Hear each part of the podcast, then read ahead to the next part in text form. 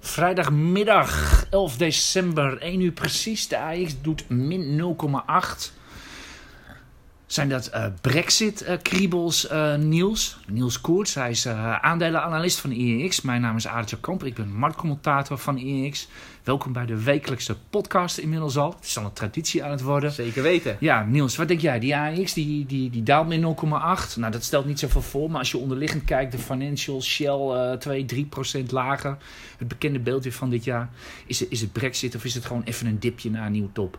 Nou, ik, kijk, ik denk dat de brexit... Dat het gewoon even gewoon als excuus wordt gebruikt om gewoon eventjes even wat geld van tafel te halen. Dat denk ik. Ah, Oké, nou ja, ik vind het zelf altijd een heel geforceerd onderwerp. Sinds het, sinds het speelt in 2016 alweer, 4,5 jaar, heb ik zelf zoiets van: ja, dit is een politiek issue. Dit, dit gaat niet de winsten en de omzetten van bedrijven raken. Dus als belegger hebben we er maar beperkt mee te maken. Maar een harde brexit?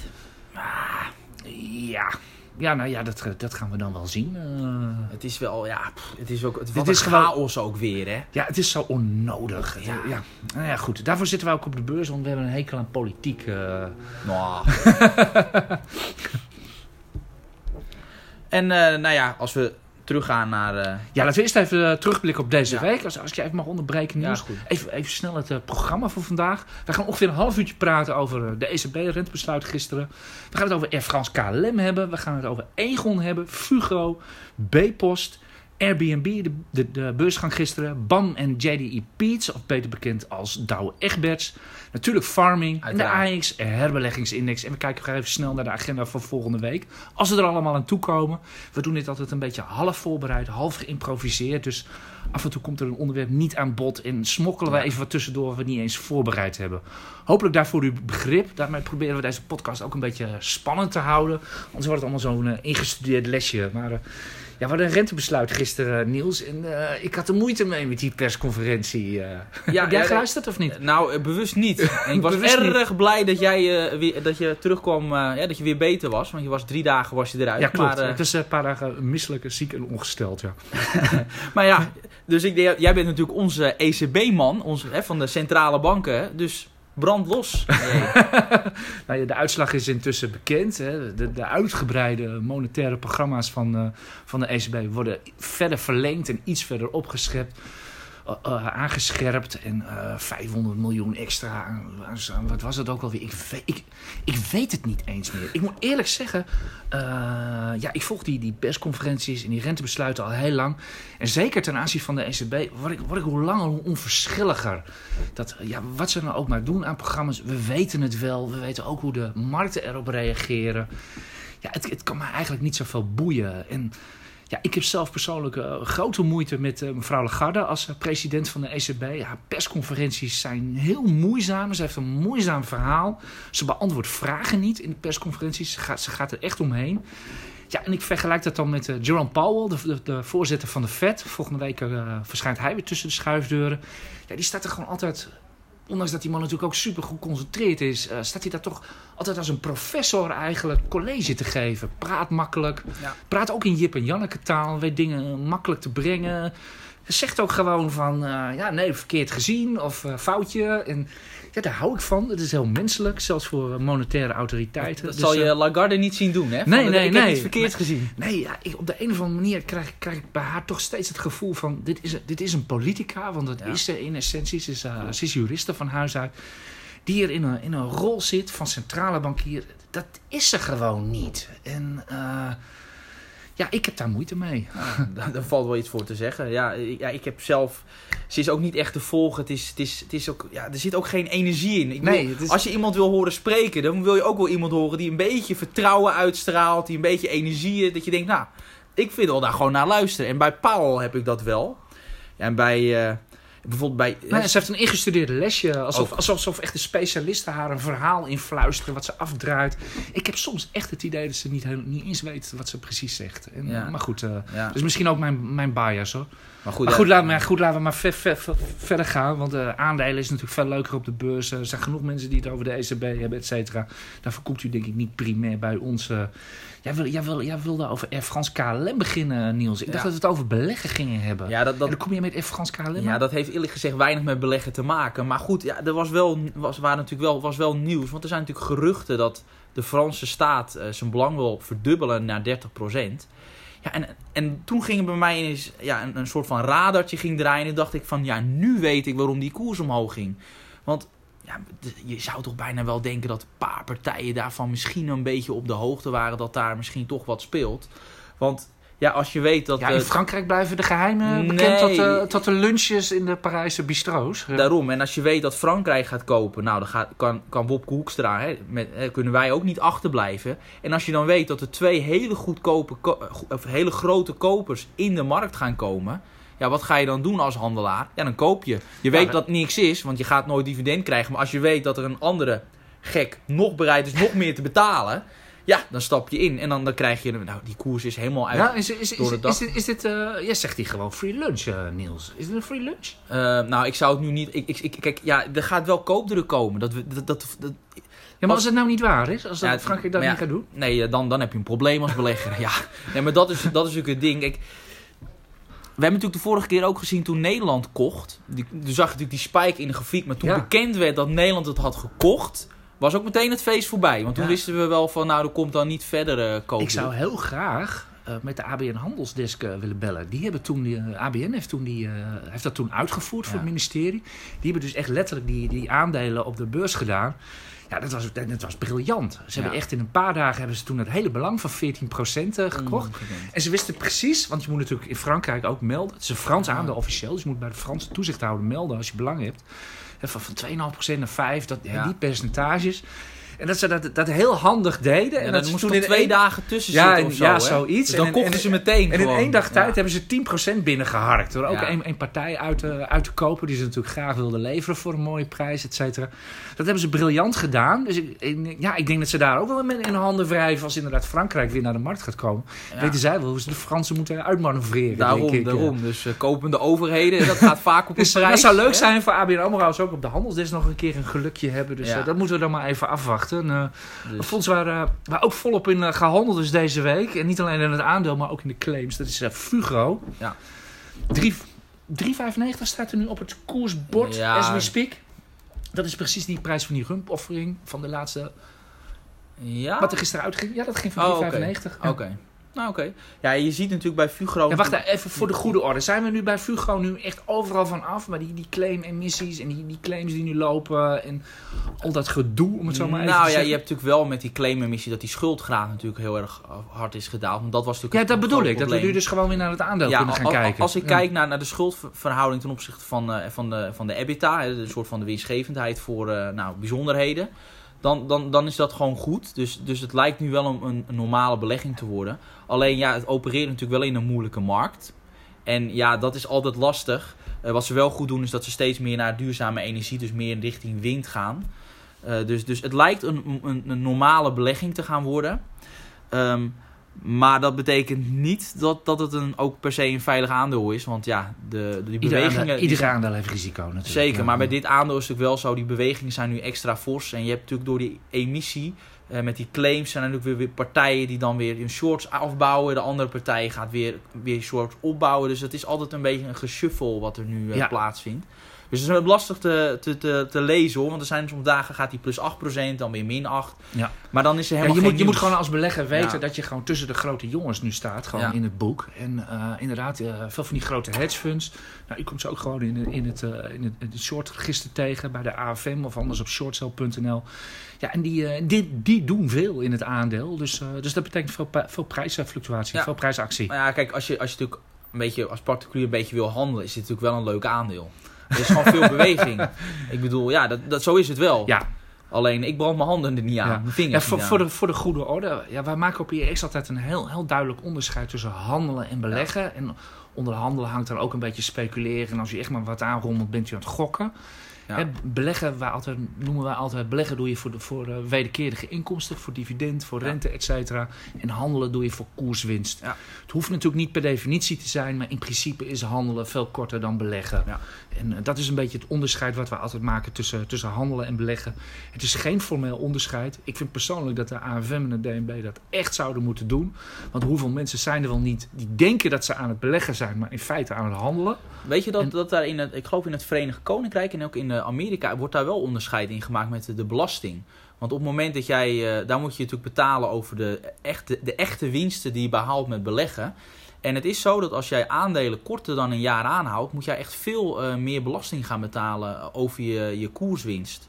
Dan, bij, dan wanneer je ze lang aanhoudt. Dus daar hebben ze een soort van belastingssysteem ontwikkeld dat het eigenlijk aantrekkelijker is om aandelen langer vast te Ja, houden. dat soort plannen zijn er ook wel vaak in Nederland geweest. Ja. moment speelde dat ook bij DSM. Die wilde dat zelf gaan doen, geloof ik. Ja, ja maar Staat het is heel ja. moeilijk. Want, Nou ja, want dat, is, dat is natuurlijk het lastige. Want je moet het allemaal wel weer gaan controleren. En je krijgt, Ja. Ik heb daar dus toevallig een keer ooit een column over geschreven. En ik, ik het echt gaan uitzoeken.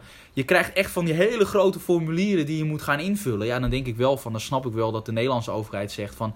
Daar beginnen we allemaal niet aan. We verwachten gewoon dat je zoveel... Dan, dan is het allemaal op basis van vermogen. En dan verwachten ze dat je een x-ren- eh, x-rendement maakt. Het is heel vervelend. gaan we ook alweer. Ja. Het is heel vervelend als je dat niet haalt. Eh, maar ik denk voor de aandelenbeleggers is het Nederlandse stelsel heel wat aantrekkelijker. Omdat eh, ja, de, de, belasting op vermogen ligt hier in Nederland daar gewoon lager. Voor Staan- Ja, dat aandelenbeleggers. is trouwens wel een keer een leuke. We willen, volgend jaar willen we zeker ook gasten gaan uitnodigen voor deze podcast specialisten. We moeten Ja. ook maar eens een keer een fiscaal specialist vragen die ons dit soort dingen uit de doeken kan doen. En wat een mooie oplossing zou zijn. Dat, zou, dat is, ook wel een, is ook wel een idee. eh. Ja, daar kwam je net, eh, voordat we gingen opne- opnemen nieuws, kwam je aan met B-post. Waarom moeten we naar B-post kijken? Ja, dat Ja, even voor de goede orde. De B-post is natuurlijk Belgische PostNL. En dat heeft natuurlijk vier jaar geleden rond 5,75 voor PostNL geboden. En dat Ja. ging niet door. Maar daar Nee, hebben we het maar niet meer over. Nee, ja, achteraf had het beter, zelfs voor hun beter door kunnen gaan. Want eh, in plaats daarvan hebben ze dat Amerikaanse... Ja, ja. Maar, maar achteraf beleggen kan, nie- kan Nee, niemand rijk worden. Nee, ze hadden, een, ze hadden een investeringsdag. En ja, daarmee kwamen ze toch wel met een beetje het, het vervelend nieuws van dat ze hun dividend, hun payout ratio, dat ze die fors naar beneden eh Van gingen. hoeveel naar hoeveel? Ja, ze keerden altijd 85% uit. Dat is ook wel erg veel. Ja, dat is ook, was eigenlijk ook te veel. En dat gaat nu naar 30 tot 50%. Ho, dat is- Ja, dat is echt, ja, dat is echt heel veel. En, en daardoor is het dividendrendement maar 3,7% voor zo'n fonds. En ja, dat is allemaal... Kijk, wat het pijnlijk is van B-Post, je zou denken, coronacrisis. Nou, als je een pakket, post- en pakketbezorger bent, nou, dat is, dan is dit het jaar. En dan ga je kijken naar die koers... En dan staat er min 20% op het bord. Dan denk ik wel van, jongens, jongens, jongens, dan hebben jullie toch wel weer iets... Wat gaat er nou weer niet goed? dat is echt ongelooflijk. En, en, ja, wat gaat er niet goed? Zeg het maar. en, en ja, ze, krijgen, ze hebben gewoon hoge krimp van hun, van hun, eh, van hun eh, met name hun eh, ja, postdivisie. Dat, dat krimpt toch echt heel hard door. Veel harder dan ze hadden verwacht. En, ja, en die kat in de zak in, met dat radiaal, echt, daar, daar wil ik niet eens over praten. Zo'n stomme overname. Alle analisten hadden gezegd, doe het niet. En die topman die er toen zat, die dacht, nou, we doen het toch wel. Ja, en dan gaat het helemaal mis, weet je. En dat sindsdien is die koers van 27 euro naar nu, wat zal het zijn? Uit mijn hoofd, 8,60 euro, zoiets. Is, is waanzin. En ja, veel Nederlandse beleggers zitten daarin. Daarom behandel ik ja, het ook. ja, dat- dat, dat weet ik. En om maar te zwijgen natuurlijk van Belgische particulieren, dat is natuurlijk gewoon Ja. een, eh, een volksaandeel. Ja. Dus overigens, het is echt een cultuurverschil tussen, eh, vraag de brokers maar, echt een cultuurverschil tussen Nederlandse en, eh, en Belgische beleggers. Wij mogen graag handelen, wij mogen graag opties doen, turbo's, et cetera. Eh, Belgen zijn veel behoudende beleggers, zitten veel in familiefondsen, dat soort dingen. Dus er zijn er ook veel van te vinden op, eh, op Brussel. Een hele andere beleggingscultuur. Ja, want ik ben wel eens een keer naar zo'n eh, zo'n dag van de beleggen geweest in, in, in België. En dat is heel leuk, omdat daar kom je ook echt, zie je ook echt dat verschil heel duidelijk. Want dan, Oh, jij herkent dit verhaal van mij? Of, onwijs. Ja, Want ik vergeet ook nooit meer dat ik bij een steentje stond van, van Binkbank. En, en die, zei, die, die, die, zei, die zeiden ook echt van, nou, bij ons, in België, blijft iedereen gewoon bij ons. En weet je waarom? We vertrouwen dat de Giro niet. Hè? Want eh, het was natuurlijk een nieuwe speler en ze vielden nog niet onder dat deposito-garantiestelsel. En daarmee waren die Belgen toch best wel bang van, ja, het is best wel gevaarlijk om eh, naar, over te stappen naar de Giro. Terwijl de Giro veel goedkoper is Ja. dan Bink. Ja, wij, wij Nederlanders rennen altijd achter de hoogste korting aan. Nederland meteen Ja. Verder, massaal, ik, ik, ik zelf trouwens ook, massaal naar de Giro. Maar in België bleven ze gewoon allemaal gewoon, eh, ja, dan, dan maar vijf, zes keer te veel betalen voor een eh, transactie. Maar die bleven allemaal bij Binkbank puur omdat ze zich daar veilig bij voelen. En ja, en wij Nederlanders, het is allemaal naar eh, de Giro Ja, gegaan. Dus heel hebben een bijzonder. hoge risicoperceptie. Zullen we het daar maar, zullen we het daar maar op houden? Maar goed, eh, maar goed, je zegt er nu alles is fout gegaan bij Ja. B-Post eh, en, en, en de koers naar beneden. Is het dan niet een leuk moment om top te pikken, denk ik dan? ja, maar het probleem is dat ze toch nog best nog wel een, een significant deel is, natuurlijk, is nog die post. En dat gaat natuurlijk wel daar. Kijk, in Nederland zijn we sneller. We zijn in Nederland ook wat sneller met digitalisering. Dus wij hebben al die krimp hebben we al grotendeels al gehad natuurlijk. Hè? Die echte grote keldering van de, de volumes. Dat moet daar nog een beetje komen. Dat is met Duitsland precies hetzelfde. Dus ja, het B-post, we hebben hem ook... eh, onze analist eh, Peter Schutte, die, eh, die heeft het aandeel ook geanalyseerd. En die zei ook van... Een hold, maar ook echt niet meer dan dat. Laat maar even zitten dus, ja. Ja. Oké, nou, we gaan de grens weer over. We hadden Egon deze week met een, met een nieuwe strategie van Lard Vriesen, mag ik wel zeggen. Ja, Nieuwe CEO van, van Egon. Die komt van NN. Dat is natuurlijk heel, heel pikant. mhm. En eh, ik ben daar zelf wel enthousiast over. Hij heeft daar heel goed gedaan. En volgens mij is hij in een gespreid bedje gekomen bij Egon eigenlijk dit jaar. Want ja, Egon natuurlijk, de koers is, is natuurlijk verschrikking. De, de rentes zijn een verschrikking. Alle, alles gaat er mis. En dan zo'n coronacrisis. En eigenlijk heeft hij dan carte blanche om te gaan doen wat hij wil. Alle lijken uit de kast. Hey, nou, u kent het. Schoonmaken, kosten besparen, noem, noem maar op, et cetera. Gisteren eh, kwam dan van de week, eh, ja, kwam hij dan met zijn nieuwe strategie, kwam die dan uit. Wat, wat vond jij ervan, eh, Niels? De beurs vond niks, want de koers ging omlaag. Ja, kijk, dat komt. Dat hebben we natuurlijk deze week. Dat zag, de laatste weken zie je dat vaker. Dat de bedrijven die met een investeringsdag, met een strategie-update komen. Dat die ja, gewoon worden afgestraft op de beurs. Ja, ABN was heel erg, ja. Ja, omdat er niks verrassend in zat. In, en bij Egon wisten we ook wel dat, dat zou worden aangekondigd. Dat ze zich zouden focussen op echt hun kernmarkten. Nederland, het Verenigd Koninkrijk en de Verenigde Staten. Ehm, het is dan ook zo dat ze, ja, er werd wel een outlook gegeven voor dividends. Verwachten 2023 25 cent per aandeel te betalen. 8%. Nou, dan denk je dat is heel mooi. Maar ja, we weten allemaal bij Egon dat het nog wel eens tegen wil vallen. Ja, ja, ja. En zeker on, Kijk, dat is ook wel zo. Lars Vriezen. Kijk, wat als jij topman bent. Lard, hè? Ja, ja aparte Ja, maar als je wil instappen, wat is, het is natuurlijk niks lekkerders dat je instapt dat je voorganger natuurlijk er één grote puinzooi van gemaakt heeft. Want dan kan je het nooit zelfs nooit slechter doen. Dus, eh, dat is eigenlijk wat ik een beetje impliceer met, mijn, ik ook eh, wel. met, mijn, eh, met mijn start met dit verhaal. Ja, maar ik zelf, ik, ja, u kunt het niet- helaas niet zien. Ik heb hier de grafiek van Egon versus de Amerikaanse tienjaarsrente. En, mhm. en het- dat is ook een beetje een vraag aan Niels. Van, wat, wat ik zelf in die strategie miste, ja... Als u die grafiek bekijkt, ik kan hem anders wel even twitteren straks. eh, Egon zit werkelijk aan een touwtje bij de Amerikaanse rente. We hebben een lijfrentebusiness natuurlijk, is een zeer rentegevoelig daarvoor. Op de een of andere manier onder, om wat die afhankelijkheid onderuit te komen. De rentemarkten zijn natuurlijk in principe de, vol, de komende jaren ook niet vol soeps. Dus eh, daar zal eh, Egon ook niet rijk van worden. Dat miste ik een beetje. Ja, maar het is ook zo lastig omdat het iets is wat je niet zelf echt onder controle hebt. Want de rente, ja, dat is gewoon. Dat is, Ja, je bent er wel helemaal van afhankelijk. je bent ervan Ja. afhankelijk. Dus ehm, ja, je hebt natuurlijk wel bepaalde partijen. Je kan je ervoor indekken, maar dat zijn vaak weer duur, duur. ja. Ja. dus het is allemaal niet ideaal. Kijk, met verzekeraars, die hebben gewoon, ja, die hebben gewoon pech met die enorm lage rente. En met name Egon. Ja, Egon heeft daar het meeste last van. Ja. En eh, ja, dat, dat, dat, ja soms, sommige bedrijven hebben nou profiteren enorm van dit lage renteklimaat. Ja, en sommige bedrijven niet. En ja, ik kan daar niet meer over zeggen. Dat is gewoon. eh, Kijk, het hoeft wat, vinden jullie van de, van de verzekeraars bij, bij, eh, bij de beleggers? We hebben natuurlijk en, en Ja. en AZ. Nou, de voorkeur ligt bij de, de beleggersdesk. heeft- Beleggersdesk heeft echt wel eh, voor, voorkeur voor, voor NN en AZR. Ik, ik bedoel, ik ben zelf aandeelhouder van AZR. En wat ik gewoon mooi vind aan AZR is gewoon, die zijn zich heel duidelijk gefocust. Het is vooral schadebusiness, zeg schade. maar. En Ja. het is alleen maar Nederland. Dus we letten alleen maar op Nederland. Daar weten we alles van. Dat is volledig Nederland. En ze hebben natuurlijk, eh, richten ze zich op duurzaamheid. Iets ook een trend wat, ja, wat wel gaande is. En als je aan ASR denkt, ook de reclames. Je denkt meteen, ik denk aan twee dingen. Nederland en duurzaamheid. En dat is wel iets wat, eh, wat aanslaat. Dus ja, daar voel ik me de prettig bij. marketingafdeling van AZ zal tevreden Ja maar, dat is, dat is, ja, maar dat is ook de reden waarom ik mijn eigen hypotheek bij ASR heb afgesloten. Daar voel ik me gewoon prettig bij. Bij die CEO gewoon lekker recht door zee. eh, simpel gewoon Nederland en ja, duurzaamheid. En ik ben Ja, daar ja. gewoon blij mee. Is dat, is dat is wat je eigenlijk tussen de regels doorzet? Is dat ook een beetje verschil met, met Egon? Lard Vriezer begint dat nu aantal terug. Dat aantal landen. Ja. Dat ze veel te veel landen zaten. Ja, joh. Eh, Ja, ik, ik verbaas me iedereen ook over ING Turkije en zo. Wat doe je daar? Ja, dat, Maar is, goed, eh, dat is eigenlijk vragen om problemen. Maar goed, dat was natuurlijk in die tijd wat je natuurlijk als bank wilde je een wereldbank zijn. dat- hè? ja, maar er waren, toen was Hoe was- groter, hoe beter. Ja, maar dat was ook in de tijden was emerging markets waren weer helemaal juf van het. En daar moest je weer zijn. Nou, nu is het duurzaam en over tien jaar Ja. is er wel weer wat anders. Maar en, eh, Trends veranderen ja, uiteraard. maar uiteindelijk, eh, bij beleggen, uiteindelijk eh, komt het er gewoon op uit wat er onderaan de streep staat. hoor. Laat je nergens gek door maken. dat is belangrijk. Beleggen, beleggen doe je in sommen en niet in scenario's. En, eh, dat vind ik eigenlijk wel mooi. Ja, nee, maar, maar dat is heel duidelijk. Ja, nee, het- het- je moet een sommetje kunnen maken. En eh, ja, dat sommetje kun je bijvoorbeeld niet maken bij een eh, bitcoin. Hè? Daar gaan we het vandaag maar eens even niet over hebben. We zijn, nee, maar dat, dat, is, dat is inderdaad ook een voorbeeld. Bij wie je ook geen sommetje kan maken, eigenlijk, is Airbnb, wat gisteren naar de beurs ging. Ja, kijk, ze hebben natuurlijk wel in het derde kwartaal. Je ziet wel dat het. Kijk, bij dit soort bedrijven weet je dat het gewoon heel snel gaat herstellen. Want op het moment dat wij weer met z'n allen op vakantie mogen gaan, nou laat, dan, gaat, dan gaan we weer met z'n allen los. En ja, dan, dan profiteert Airbnb er ook van. Want het is natuurlijk wel. Ja, je kan, het is wel super makkelijk, weet je. Dat je gewoon in het centrum, dat je heel gewoon snel eventjes een, een, een Ja, ja. appartementje kan huren. Ik vind het eigenlijk. Ik, ik zat er gisteren naar te kijken naar die, naar die koersenpagina. Eh, om even samen te vatten: Airbnb ging gisteren voor 68 dollar naar de beurs. Daarmee was het bedrijf in één klap eh 40 miljard dollar waard. De koers ging plus 117 procent gisteren. 144 dollar uit mijn hoofd. En het is nu 90 miljard waard. Het is een, bedrijf dat 90 miljard waard is met het verhuren van andermans huis. Ja, dat is geen.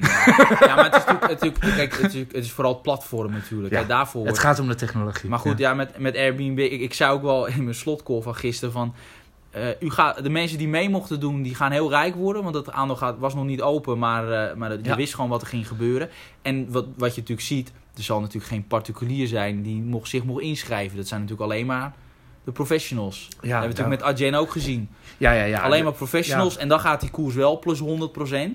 En, en, en, en mogen wij wel meedoen. Ja, wat zie je dan? Dan valt het weer heel erg hartstikke tegen. Want dan zijn we nodig. en dat is toch wel weer, dat is toch lastig. Kijk, dan, dan denk ik wel van ja, dan is, is dat, dat vind ik eerlijk gezegd ook niet eerlijk. Ik vind Nee, er, zijn, er, zijn zo, er zijn zoveel dingen niet eerlijk. Ik zit me eerlijk gezegd ook weer aan Randstad te irriteren. Ja, oh, Eh, verschrikkelijk. hè, die zijn vandaag natuurlijk met een, met een Ja. prachtige update eh, gekomen. Maar een paar weken geleden eh, waren, even denken, twee Amerikaanse grootbanken. Die kwamen out of the blue. Ineens met in één keer met, met, met, met adviesverhoging en forse Ja. koersdoelverhogingen voor Randstad. Ik kan het niet bewijzen, ik kan het niet hard maken. Maar ik verdenk Randstad ervan ja. dat ze al een rondje met de analisten hebben gehouden. En in ieder geval tussen de regels door eh, dingen gezegd hebben of wat dan ook. Of eh, analisten hebben een half cijfer genoeg. Of wat dan ook. Dat dit, ja... Dat, kan echt niet. Kunnen ze niet ik maken. weet niet of, of, of Randstad hier eh, de mist is ingegaan. Anders bied ik direct mijn excuses aan. Maar het gebeurt wel in de markt dat er hè, analistenmeetings zijn voorafgaand aan cijfers.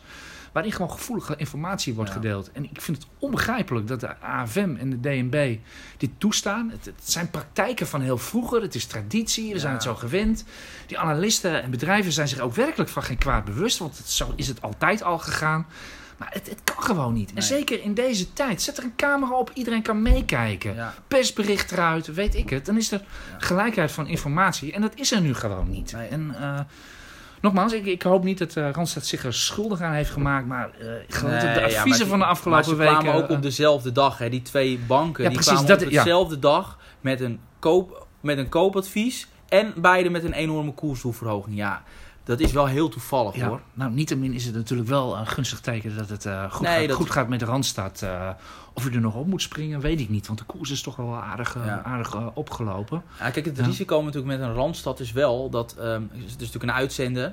En ja, via sociale media kan je natuurlijk ook heel makkelijk, als jij als bedrijf mensen nodig hebt, dan kan je natuurlijk ook de sociale media voor gebruiken. Dus in hoeverre daar nou per se een, een uitzender tussen moet zitten. Ja, die leiden natuurlijk wel het personeel op. Ja, ja maar dus dan, dus dan strategisch. Dan moet je gewoon überhaupt helemaal goed gaan nadenken over Ja. de belegging in, in nee, maar ja, ik vind eerlijk gezegd een beetje een bedrijf van het verleden. Randstad. Nou, dat is eigenlijk wel grappig dat je dat zegt. Want ze hebben, dus natuurlijk een paar jaar geleden hebben ze Monsterboard gekocht. Daar heb ik ooit gewerkt, in 2000. Monster, monsterboard.com, go, go, go. De ouderen weten het misschien nog wel. En dat was toen het hipste van het hipste. Solliciteren via internet.